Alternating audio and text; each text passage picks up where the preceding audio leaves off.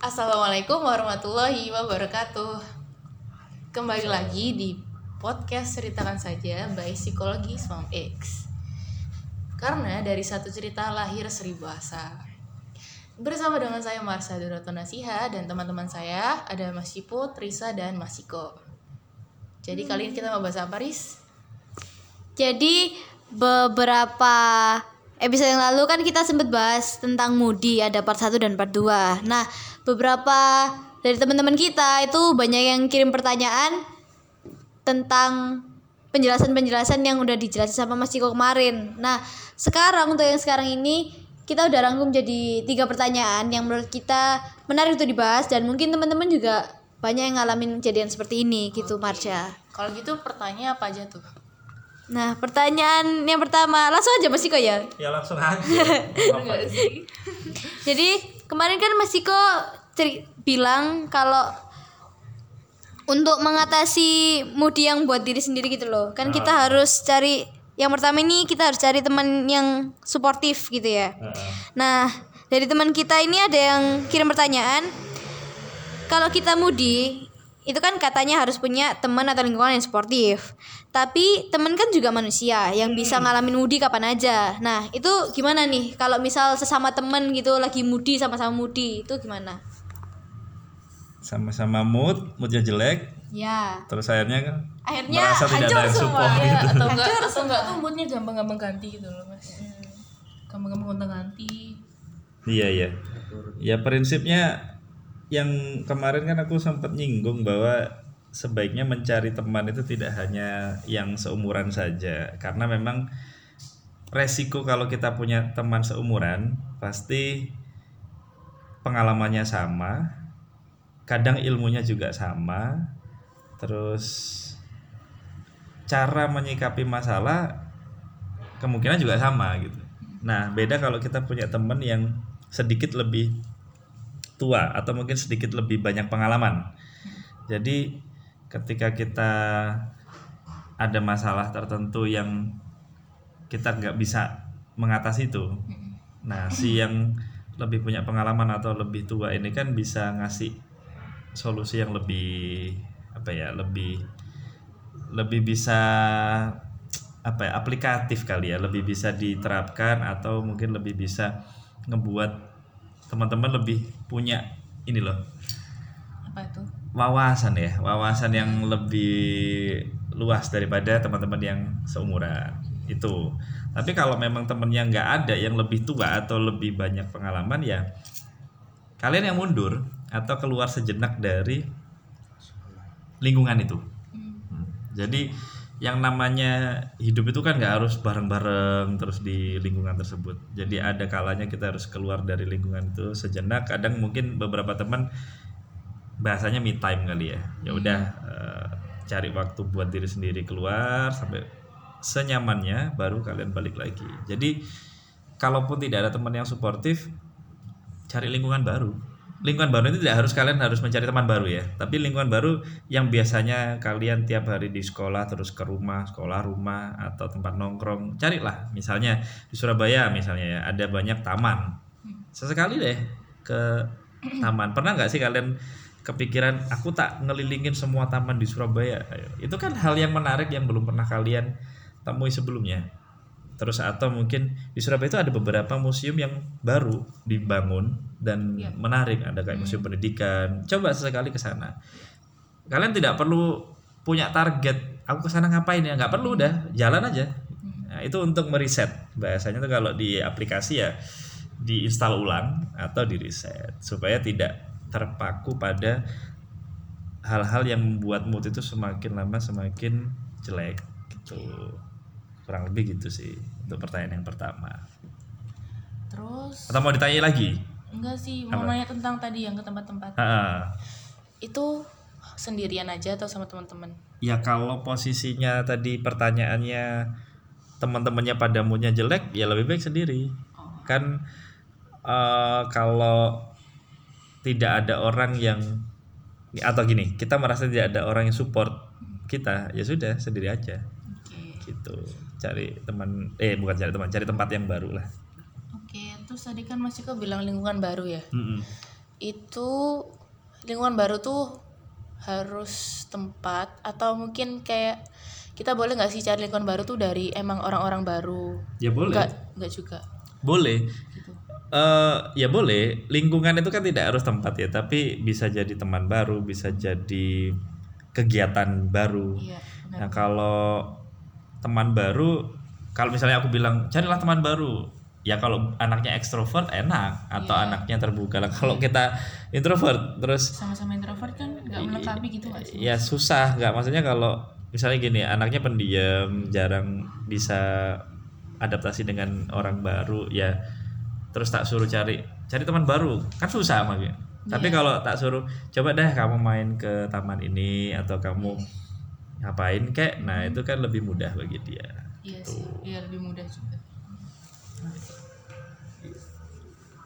Oke, pertanyaan pertama udah terjawab ya. Oke. Hmm, terus langsung aja ke pertanyaan kedua. Nah, kemarin juga Mas Iko sempat bahas nih. Yang kedua, selain kita cari lingkungan yang suportif atau teman-teman yang suportif, kita juga harus hindari lingkungan yang toksik. Nah, sekarang ada yang ngirim pertanyaan, kalau kita harus ling- hindari lingkungan yang toksik, nah gimana kalau keluarga kita sendiri yang toksik? Nah, ini kayaknya kayak remaja itu sering banget gak sih, Mas? Iya, iya. iya ya jangankan remaja sekarang ya sebenarnya ini juga pertanyaan bukan pertanyaan ya ini sebenarnya kejadian yang dulu pernah aku rasain jadi sama aja sih. Istilahnya mungkin hampir setiap orang itu pernah merasa bahwa toxic itu justru tidak jauh dari lingkungan terdekat. Nah, kalau tadi pertanyaannya apa? Keluarga ya? Iya. memang eh, problemnya begini sih sebenarnya. Kenapa kok kadang sering kali yang terjadi keluarga itu menjadi seolah-olah toksik bagi si anak ya. Karena mungkin perbedaan generasi ya. Jadi misalnya nggak apa ya ini agak panjang jawabannya nih Gak apa-apa, Mas. jadi, jadi Gak gini, apa-apa. eh, orang tua kita itu kan lahir kurang lebih di tahun 70 80 ya Sementara seorang anak atau kalian lahirnya di milenial atau 2000-an ke atas. Kenapa sering terjadi di pemahaman bahwa anak ini merasa orang tuanya sendiri yang toksik ya? Karena perbedaan generasi yang cukup jauh. Orang tua kadang tidak mengikuti apa yang terjadi di tahun 2000 ke atas gitu. Mereka merasa bahwa ya pokoknya saya kerja, anak saya saya sekolahkan, sekolahnya bagus, eh, kebutuhannya saya penuhi, ya udah itu kewajiban orang tua. Nah, padahal si anak ini kan juga butuh bimbingan atas informasi yang dia terima selama tahun 2000 ke atas atau informasi-informasi update ini kan orang tua harusnya tahu gitu. Nah, keba- cuman kebanyakan orang tua tidak mau mengikuti itu. Pun sama halnya nanti ketika kalian punya anak, misalnya kalian sekarang 2000 ya, katakanlah lahir tahun 2000. Kemudian eh, 30 tahun lagi kalian punya anak misalnya. Nah, bisa jadi anak kalian itu eh, ada masalah yang lebih apa ya, lebih milenial lagi nanti di tahun 2030-an. Kalian punya pemahaman juga yang sama dengan orang tua. Wah, pokoknya kerja, anakku tak sekolahin, yang penting anakku eh, apa ya dapat masa depan yang bagus. Bisa jadi kalian juga akan jadi toksik buat anak kalian nanti. Kalau kalian tidak mengikuti perkembangan zaman. Nah, itu latar belakang kenapa banyak orang tua dianggap sebagai toksik bagi anaknya, ya. Nah, terus gimana caranya supaya kita keluar dari lingkungan itu? Kalau misalnya aku bilang, ya kamu harus kabur dari rumah, itu jelek, ya kan? Bahkan tidak menyelesaikan masalah. Memang solusinya tidak seperti itu. Yang pertama adalah coba jelasin dulu bahwa apa sih yang sebenarnya kamu rasakan, apa yang pengen kamu lakukan ke orang tua. Itu coba dengan penjelasan. Terus kemudian kalau ini nggak bisa, eh, kalian negosiasi. Negosiasi itu bisa gini. Ya sudah, saya coba nurutin apa kata mama atau kata papa, tapi saya juga harus mendapatkan reward dari apa yang saya lakukan. Itu negosiasi. Misalnya gampang aja gini deh, wes nilaiku bagus, tapi aku eh nilaiku nanti bagus, tapi aku juga harus dikasih kebebasan untuk melakukan apa yang aku suka. Misalnya gitu. Itu yang kedua. yang ketiga kalau bener-bener kolot ya ini yang yang paling susah ini yang pengalaman pribadi aku sih sebenarnya jadi waktu itu aku eh, sedang belajar musik dan sulap ceritanya. Tapi orang tua kan hidup di apa ya di zaman-zaman yang menganggap bahwa musik itu tidak baik pengaruhnya. Terus sulap itu dianggap masih ada hubungannya dengan sihir dan segala macam gitu kan. Akhirnya ya daripada kamu begitu mending kamu keluar dari rumah. Itu ancaman yang nyata buat aku. Itu beneran itu terjadi. Nah satu sisi aku nggak mau dong e, melawan orang tua secara frontal atau kasar. Tapi aku juga nggak pengen bahwa apa yang aku coba pelajari ini aku tinggalkan begitu aja. Nah, jadi akhirnya aku memilih untuk mengiyakan semua perkataan orang tua tapi tidak menuruti semuanya. Nah ini nih agak sedikit tricky tapi kita tidak berusaha membohongi. Eh di dalam psikologi itu ada yang namanya white lies teman-teman ya. White lies itu white itu putih lies itu kebohongan. Kalau black lies itu kebohongan yang yang apa ya kebohongan yang jelas. Kayak misalnya kamu kemarin pergi sekolah nggak? Oh pergi sekolah ternyata nggak. Nah itu tuh kebohongan hitam. Tapi ada namanya white lies. Jadi misalnya nih kayak contohnya aku dulu. Aku pengen belajar sulap. Terus kemudian orang tua kan nggak mau tahu bahwa aku belajar sulap tapi pada saat itu aku posisi kuliah jadi aku bilang pas pagi-pagi itu jam 10 aku ingat ya eh, berangkat ke kampus eh, apa ditanya mau ke mana ke kampus. Ya aku kampus. Ke kampus. Kuliahku kan berapa ya? Jam siang sih sebenarnya. Aku tapi jam 10 udah berangkat. Ke kampus cuman 5 sampai 10 menit aku keluar kumpul sama teman-teman sulap untuk belajar terus aku balik lagi kuliah. Malam aku balik lagi kampus. Jadi ya di kampus balik lagi selama 10 menit kali ya. Terus pulang. Nah pada saat ditanya dari rumah kok sampai malam? Dari mana? Ya aku bilang dari kampus. Hmm. aku tidak bohong kan? Iya. iya kan? Nah tapi tidak terus terang. Iya. nah bagiku ini bagi bagiku sendiri itu tidak masalah. Karena kita tidak memberikan sebuah kebohongan yang eh, apa namanya kebohongan yang istilahnya membuat dalam tanda kutip mungkin kita bahkan berdosa atau kita akan membohongi orang tua. Tidak. Jadi kita nurut sama orang tua dalam arti yang positif. Ya kita bersekolah kita menuruti bahwa orang tua pengen kita eh, kuliah gitu kan. Tapi kita juga punya hak, hak untuk mengembangkan diri kita sendiri. Selama itu positif ya. Nggak masalah buat aku. Karena kecuali gini dari pagi sampai siang aku eh, karaoke dugem dan segala macam. Ya itu itu beda beda beda ini ya beda apa? Beda konteks. Tapi selama kita punya potensi atau mungkin punya keinginan positif yang ingin kita kembangkan tapi orang tua seolah-olah menjadi toxic di situ ya kita harus punya cara yang aku bilang tadi tiga. Yang pertama kita jelaskan dengan benar. Terus kemudian yang kedua eh, ya tadi kita coba bernegosiasi. Yang ketiga ya kita melakukan white lies itu tadi lah. nah sehingga mood kita bisa terjaga. Kurang lebih seperti itu sih. Ini aku mau nanya pribadi ya Mas Ah, ya. Jadi eh tadi itu kan Mas Iko sempat bilang kayak misal orang tua itu dianggap toksik sama anaknya gitu loh. hmm. Nah, sebenarnya tolak ukur buat toksik sendiri itu apa sih? ya kalau versi orang tua ya ini ya ini kan ngomongin keluarga sendiri rata-rata kebanyakan adalah tentang orang tua yang tidak mau mengerti apa keinginan anak ya jadi karena mungkin kebanyakan orang tua merasa bahwa aku sudah melewati masa Ya, seperti kamu aku aku itu sudah pernah seperti kamu, Hmm. kamu belum pernah jadi aku gitu. Iya. Nah ini kan sebenarnya kalau dibahas secara psikologi itu ada yang namanya ego parents. Nah ego parents ini kan egonya seorang tua yang pengen eh, merasa selalu benar dan menggurui. menggurui atau mungkin tidak mau ada di bawah gitu loh. Jadi ya wajar-wajar saja karena bisa jadi kita juga akan seperti itu suatu saat. Nah, bedanya adalah kalau kita sudah tahu kita belajar ilmu psikologi kita tidak boleh semena-mena terhadap ego itu. Kita sadar bahwa oh suatu saat aku pasti akan menjadi dan memiliki ego parent.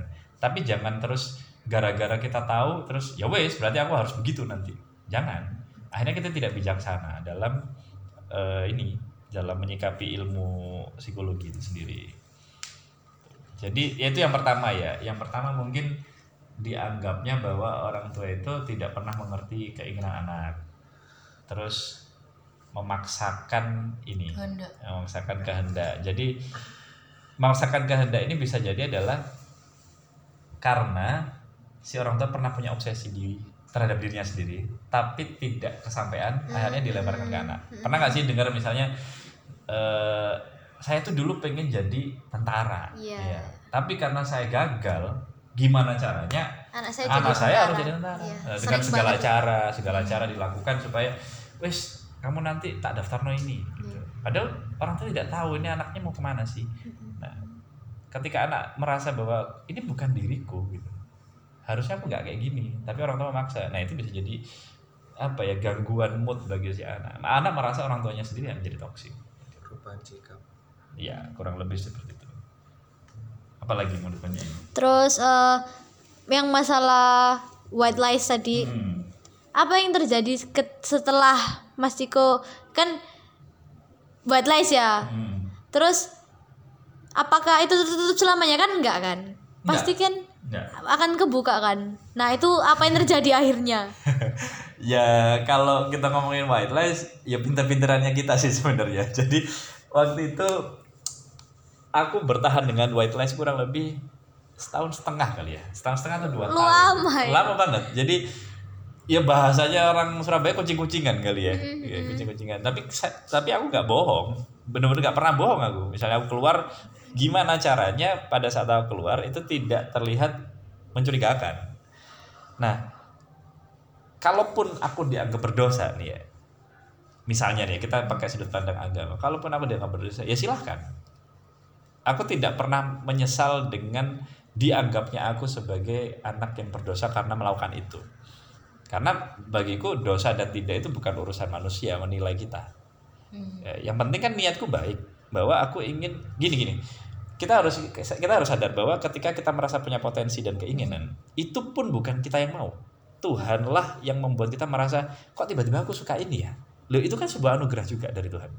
Nah makanya meniatkannya begitu. Oh aku dikasih anugerah seperti ini keinginan untuk belajar seperti ini aku mengembangkan ini untuk menghargai atas karunia Tuhan yang sudah diberi. Jadi apa ya kayak kita berperang dengan orang tua itu bukan atas dasar ego kita. Jadi misalnya kayak yang dulu itu ya loh aku loh dikasih bakat untuk main sulap. Kok kemudian orang tua melarang aku loh padahal bakat ini atau keinginan dan kemampuan ini yang ngasih juga Tuhan bukan orang tua. Nah jadi istilahnya apa ya? Istilahnya kita berperang dalam tanda kutip ya. Kita kita meniatkannya adalah untuk menerima anugerah dari Tuhan supaya kita bisa olah tapi kita tidak membantah orang tua. Dan kemudian mungkin apa ya kalau dibilang apa tadi Risa? Kalau ketahuan ya ya kalau ketahuan ya ya nggak apa-apa. Buat aku ya. Kalau buat aku sih nggak apa-apa. Eh, kita bisa berkelit kok bahwa "Loh, kan saya nggak pernah bohong. Aku tetap menjalankan pendidikan semaksimal mungkin. Eh, kemudian ya aku tetap men- apa ya nurut sama orang tua. Nah ini nih satu poin yang utama sih. Kenapa aku bilang white lies? Jangan melakukan black lies. Kalau kita melakukan kebohongan putih atau dalam tanda kutip tidak terus terang ya tak luruskan ya bohong tidak sama dengan tidak terus terang. Kalau bohong apa yang seharusnya kamu katakan B? Kalau tidak terus terang kamu tetap mengatakan A tapi tidak semuanya. Ngerti ya? Ngerti ngerti. Beda ya? Iya. Ya, jadi tidak sama kita nggak terus terang sama bohong itu beda. Nah kenapa aku eh menyarankan itu menyarankan terserah sih mau dilakukan apa enggak kan kadang-kadang teman-teman ada yang nggak berani ya. Tapi buat aku pribadi begitu karena apa? Kalau kita bohong kita dosa ya. Kalau kita tidak terus terang ya kita nggak dosa. Iya. ya kan? Gitu ya? Ini Iya. ini permainan psikologis sebetulnya. Oke. nah kalau kita membantah orang tua kita dosa. Kita nggak bisa dapat doanya orang tua tapi kalau kita tidak terus terang kita tetap dapat doanya orang tua. Karena kita tidak membantah. Misalnya kamu sekolah oh eh, jangan sampai bolos jangan sampai nilaimu jelek. Ya sudah aku tetap sekolah tetap belajar. Tapi di tengah-tengah belajar itu aku melakukan sesuatu yang orang tua nggak tahu. Nah orang tua kan melihat wah anakku ini ya ternyata eh, rajin sekolah. Didoakan mudah-mudahan dapat yang terbaik doa itu kita colong. Ya. ya terbaik. Kita melakukan apa pun semua dalam sehari itu ya doa, doa- kan didoakan terbaik. Jadi kegiatan kita dari pagi sampai malam didoakan yang terbaik. Termasuk aku main sulap itu tadi. Akhirnya kan ya akhirnya aku mendapatkan dua-duanya. Aku kuliah lulus dan tepat waktu sulap aku menghasilkan. Bahkan sampai sekarang. Dan ketika orang tua tahu puncaknya orang tua merasa bahwa tidak apa-apa akhirnya. Jadi akhirnya orang ta orang tua tahu pada saat itu dikasih tahu tetangga malah bukan beliau tahu sendiri. Jadi waktu itu aku masuk TV dapat program kurang lebih eh, empat tahun ya di stasiun TV Surabaya. Dari sejak itu orang tua tidak pernah berani untuk bukan tidak pernah berani sih tidak pernah melarang lagi untuk eh, mel- ini melakukan kegiatan yang aku pengen gitu. Karena udah ada Karena hasilnya, ada gitu. hasilnya gitu Berarti ini ya teman-teman eh, jangan sampai kita nyalah gunakan white lies Iya, ini betul. untuk oh oh gak apa-apa kok kita white lies. Kan gak bohong kan gak bohong. Tapi emang harus alasannya itu yang bener-bener Iya, betul. positif. Nah ya, kemarin ada yang sempat nanya gini, lu mas, waktu itu aku izin keluar, ada temanku izin keluar, bilangnya sekolah, tapi dia pakai cara white lies, dia Iya. ke sekolah dulu, kemudian dia pergi, tapi perginya karaoke loh. Nah, Jadi buat main-main ternyata, pulang-pulang ya handphonenya hilang, ya, ya wajar, lah kan dia anu eh, kegiatannya tidak positif bagiku ya. Eh, karena ya kecuali dia karaoke niatnya adalah wah aku tak mengasah vokal karena aku memang punya bakat nyanyi. Lah, itu beda beda urusan. Karena balik lagi sudut pandangnya ke Tuhan lagi bahwa ini adalah anugerah. Tapi kalau kamu karaoke untuk senang-senang nah itu hal yang berbeda buatku. Gitu. Gimana gimana? Mau tanya apa mau tanya apa? Agak bingung sih memang. Maksudnya eh, teman-teman boleh lah ini dipakai. Tapi harus siap dengan semua ini konsekuensinya gitu. Apa mau tanya apa? Mau tanya sih apa yang terjadi kalau misalnya kita nggak melakukan white lies kayak kita tuh emang nurutin nurutin orang tua. Hmm. emang tapi kayak maksa banget gitu loh. Kayak ya kita bete-bete dapet terus terus terus potensi nggak berkembang. Iya. kayak gitu loh mas. Loh nah itu, Gimana? itu dia. Jadi makanya terpaksa banget. makanya kan aku bilang ya Marsya eh, hidup itu pilihan gitu. Jadi kalau memang ada beberapa anak yang ya sudahlah aku tak menurut apa pun yang aku terima. Toksik toksik sudahlah tak telan. Bayangin ada sebuah racun. Kamu telan gimana? Pertama pahit mungkin ya lama-lama mati gitu. Iya nah Aduh. kalaupun tidak mau melakukan yang aku bilang tadi semacam white lies ya nggak apa-apa. Tapi kan kamu akan merasakan sesuatu yang Salah. tertekan. Iya, bukan iya, maksudnya yang harusnya aku nggak mau begini Iya. tapi kamu mau melakukan. Iya, ya sudah. Nggak ada masalah. Artinya eh gini deh ada ada aku kasih perumpamaan ya ada dua orang eh dua orang dua ekor kambing misalnya. Dua ekor kambing ini yang satu diikat yang satu yang satu dibebasin. Yang diikat dikasih makan rumput pasti terjamin kok. Hidupmu pasti terjamin. Tak kasih makan pokoknya. Yang tidak diikat dibebasin. Dia nyari sendiri terserah. Tapi belum ada jaminan. Artinya dia wah aku nggak tahu ini bisa makan apa enggak gitu kan nah ketika sama-sama dilepas ini yang yang diikat dilepas terus nggak ada makanan pasti dia bingung bingung banget nah karena terbiasa karena terbiasa diikat. Nah. karena dia nggak pernah keliaran itu nggak ada Iya betul. Nah sekarang aku mau tanya, suatu saat apakah kamu hidup terus sama orang tua? enggak Enggak kan? Suatu saat kamu harus lepas gitu. Iya. Nah, ketika kamu tidak punya kemampuan untuk beradaptasi atau mengembangkan potensimu, maka yang terjadi ya kamu akan kebingungan. Gitu. Masa kamu ketika nanti berkeluarga masih sama ya titik-titik jaluk apa nggak kan mungkin. Dan orang tamu juga nggak akan mungkin melakukan hal seperti itu karena sudah menikahkan. Itu kalau masih hidup pada saat kamu menikah. Kalau tiba-tiba kita tidak minta ya tiba-tiba meninggal dan kamu dipaksa untuk harus lepas saat itu juga dari orang tua. Bagaimana? Itu yang aku bilang bahwa terserah sih orang mau pakai white lies atau enggak dia mau tetap nurut atau enggak itu pilihan. Tapi kan karena mungkin nih yang apa ya dari temen ya Risa lah ya. Risa tadi nanya yang ke aku ya aku jawab sesuai dengan sudut pandang. Ini ya bisa dibilang subjektif bisa dibilang objektif sih terserah siapa nanti teman-teman yang mau mendengarkan gitu. Nah, Oke, Mas Siput, pertanyaan selanjutnya, Mas. Nah, Mas kemarin kan ada yang tanya, kalau kita belum tahu passion kita, gimana caranya bisa produktif gitu? oh ini berarti yang poin ketiga aku bilang bahwa untuk biar tidak mudi itu cari kegiatan yang produktif. Terus pertanyaannya kalau kita belum ngerti passion tujuannya terus mungkin aku bisa jadi lapo sih gitu ya. Terus ya apa gitu. Gimana bisa produktif? eh akhirnya lari ke topik mengenal diri ya. Jadi kayak kayak Iya, sebelum kita bisa produktif, kita memang harus tahu passion. Sebelum kita tahu passion, kita harus tahu diri kita sendiri. Ini bakal panjang kalau tak jelasin. Ya, maksudnya kan mengenal diri itu ada lahir dan batin, ada secara fisik dan non fisik. Kemudian kita harus mengenal eh, bakat kita, mengenal potensi, bagaimana menggali passion dan segala macam. Ya harus kalau kita belum tahu passion ya kita harus cari tahu passion. Tapi gini deh tak kasih tak kasih kisi-kisi yang paling gampang. Yang pertama gini misalnya kalian nonton TV atau sekarang nggak TV deh YouTube ya. Pada saat kalian buka YouTube terus eh, ngeklik search ya. Kalian klik search itu yang bulat-bulat itu.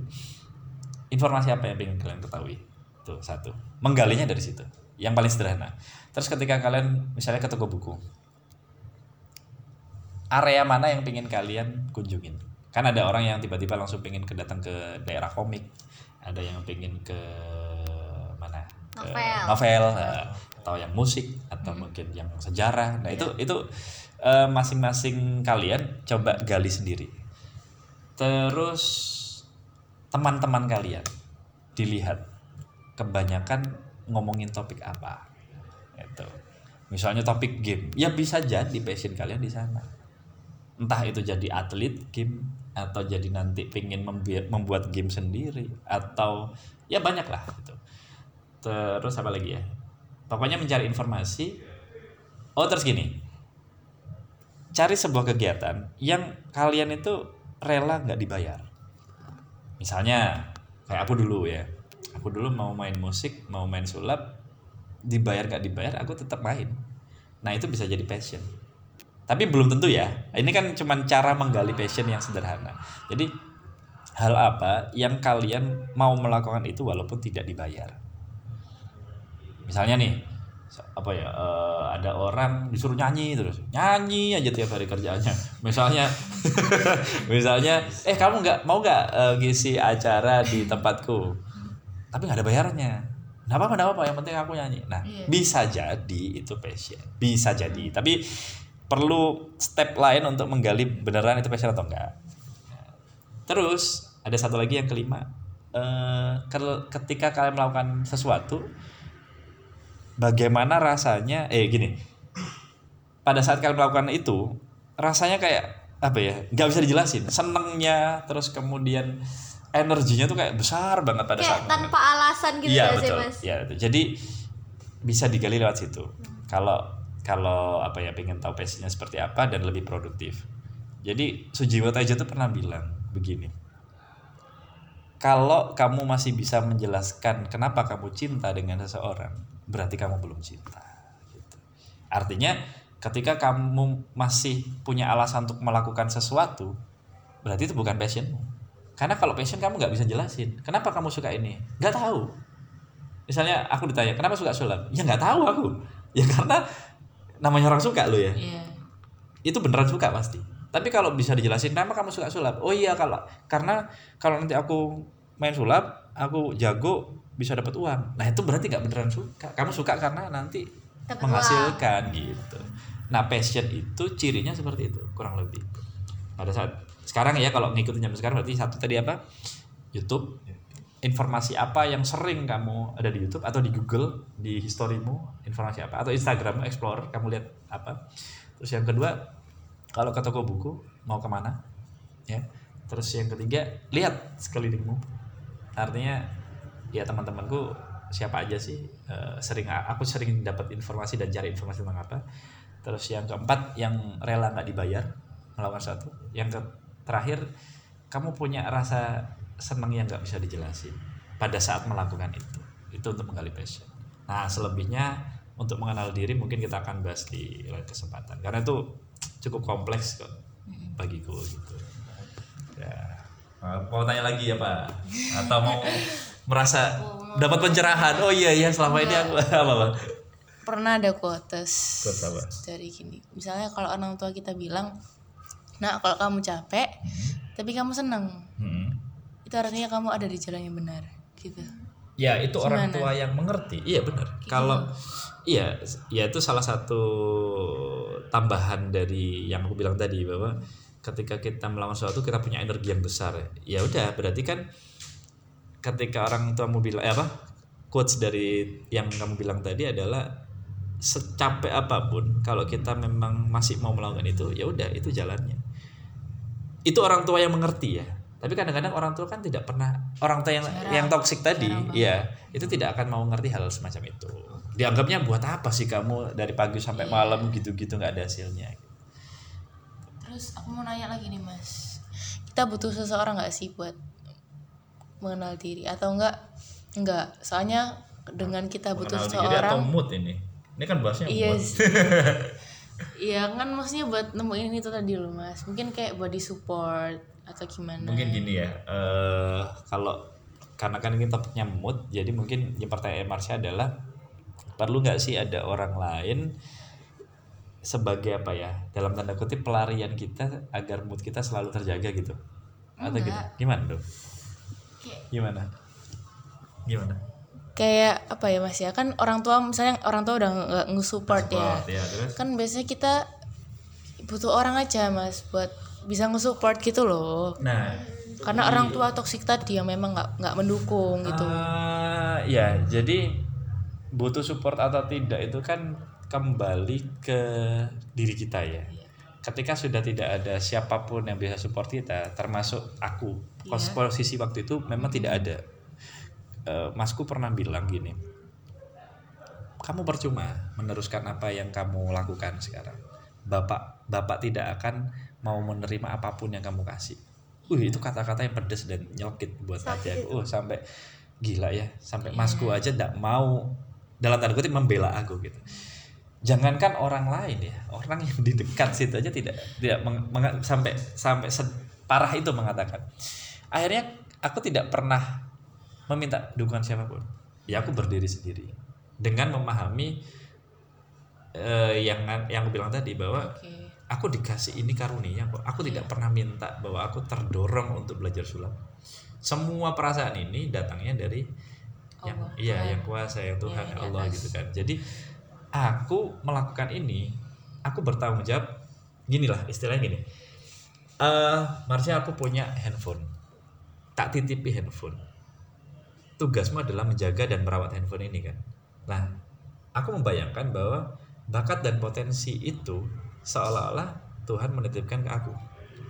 Dan ya wes, aku harus bertanggung jawab menjaga ini dong dan mengembangkan belajar sebaik-baiknya terhadap potensi ini. Jadi tanggung jawabnya besar mana? Kan Besar. iya kan langsung Sama dari dia, Tuhan gitu itu loh. emang sumbernya gitu loh mas. Betul. Nah, ya kalau diterusin panjang ini, maksudnya gini loh. eh, panjangnya adalah mungkin bakal ada yang bertanya gini loh, Mas. Berarti masih kok durhaka dong dan segala macam. Nah ini nanti aku bisa bisa jelasin apa sih batasan durhaka itu. Gitu. Itu itu bakal panjang. Eh, ya eh, kan karena kita mungkin tak batasin ya. Ini kan kita lagi bahas Iya. mood. Jadi paling tidak kalau pertanyaannya apakah butuh orang untuk support kita mengendalikan mood, tidak sih tidak ya. Selama ya kalau kita melihat ada teman yang suportif kita bisa punya mood baik nggak apa-apa. Tapi kalau pun sampai di mana pun kamu mencari teman tidak ada yang support ya sudah kamu harus berdiri di atas kakimu sendiri. Nah satu pesan lagi mungkin ini ya karena tolak ukurnya Marsha mungkin mungkin Marsha masih takut-takut ya untuk melawan orang tua ya. Sekarang gini Mas ya kenapa Nabi Muhammad dulu dilahirkan tidak besar di tangan orang tua karena aku dengar dengar loh Ya. Allah tuh Tuhan lah Tuhan pengen ngerawat sendiri Nabi Muhammad Iya. biar Itulah. iya gitu karena Iya. emang bukan manusia sembarangan gitu Betul. Mas. Ya maksudnya gini, Nabi Muhammad tidak pernah dirawat oleh orang tuanya ya, langsung ditinggal meninggal, kemudian eh, besar di tangan eh, kakek ya, bahkan dimusuhi oleh pamannya sendiri. Tidak lama kemudian kakeknya meninggal. Nabi Muhammad dilahirkan tidak dengan kemampuannya sendiri, tidak bisa baca dan tulis, gitu kan? Semuanya dibimbing oleh malaikat. Artinya apa? Kalau aku ambil sebuah hikmah yang umum, Nabi Muhammad tidak boleh bergantung terhadap manusia ya kan? Iya. Nah, jadi makanya kenapa sampai ada kalimat tiada tuh tiada daya dan upaya la haula wala quwata illa artinya tidak ada daya dan upaya kecuali milik Allah. Jadi kalau ataupun tidak ada manusia yang mau support kita, ya kita tinggal minta saja sudah. Tidak tidak harus meminta tolong horizontal tapi langsung vertikal. Udah. Mungkin itu dulu aja kali ya. kalau dilanjut Wow, kalau kita teruskan ini sekarang sudah jam 9 kurang. Wow. sudah malam ya. Aduh, betah nggak ya kalian dengerin?